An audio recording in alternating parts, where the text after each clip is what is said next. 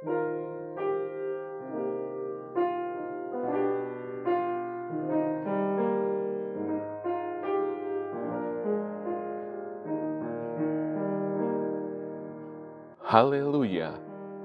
Pendengar yang terkasih dalam Tuhan Yesus di mana pun Anda berada, damai dan sukacita menyertai kita semua.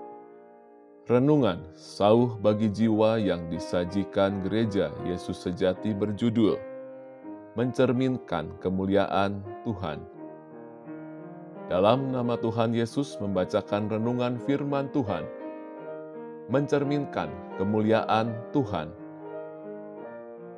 Dan karena kemuliaan itu datangnya dari Tuhan yang adalah Roh, maka kita diubah menjadi serupa dengan gambarnya dalam kemuliaan yang semakin besar. 2 Korintus 3 ayat 18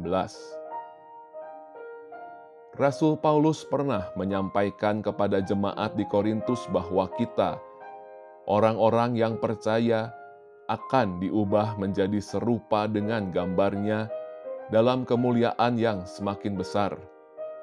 Pada hari ini, bagaimana caranya agar kita dapat memperoleh kemuliaan dari Tuhan?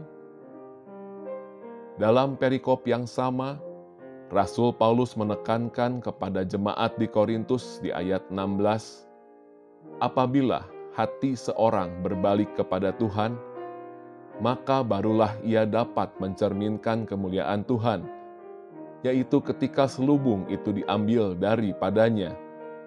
Selubung melambangkan kendala atau hambatan yang merintangi kita untuk memahami kebenaran Tuhan dan melakukan kehendaknya dengan sempurna. Namun, ketika selubung itu diangkat oleh roh Tuhan, barulah kemuliaan Tuhan dapat kita lihat Sebelum mengenal kebenaran Tuhan, Rasul Paulus yang dahulu bernama Saulus begitu menggebu-gebu menganiaya pengikut Yesus.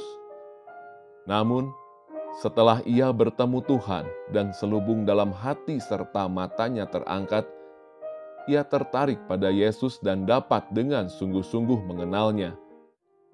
Hari ini, melalui kuasa roh kudusnya, selubung dalam hati kita dapat terangkat. Saat kita menerima Roh Kudus, kita dapat sungguh-sungguh merasakan hadirat dan penyertaan Tuhan untuk memahami kebenarannya.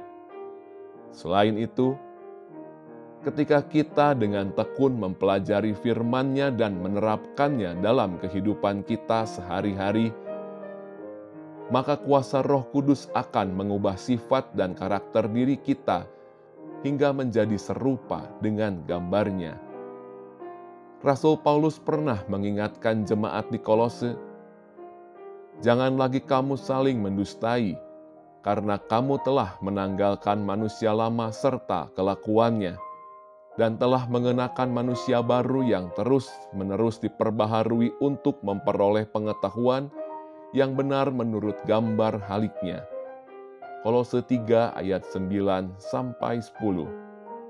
Dengan kata lain, proses pertumbuhan iman mengharuskan kita untuk meninggalkan manusia lama dengan perbuatan dosanya dan mengenakan manusia baru dengan komitmennya untuk bertobat dan tetap taat pada ketetapannya. Melalui penyertaan dan kuasa Roh Kudus, kita akhirnya dapat diubah menjadi serupa dengan gambarnya. Di sisi lain, banyak orang justru ingin menjadi serupa dengan orang-orang terkenal, mulai dari gaya hidup sampai dengan pernak-pernik yang mereka gunakan. Namun, gambaran manusia lama tidak akan kekal dibandingkan dengan kemuliaan manusia baru, kehidupan mewah dan berlimpah manusia lama tidak memiliki arti. Sudahkah kita memiliki pengetahuan yang benar akan gambar Pencipta kita? Mungkin kita merasa bahwa kita sudah mengenal Kristus. Namun, seberapa dekat hubungan kita dengannya?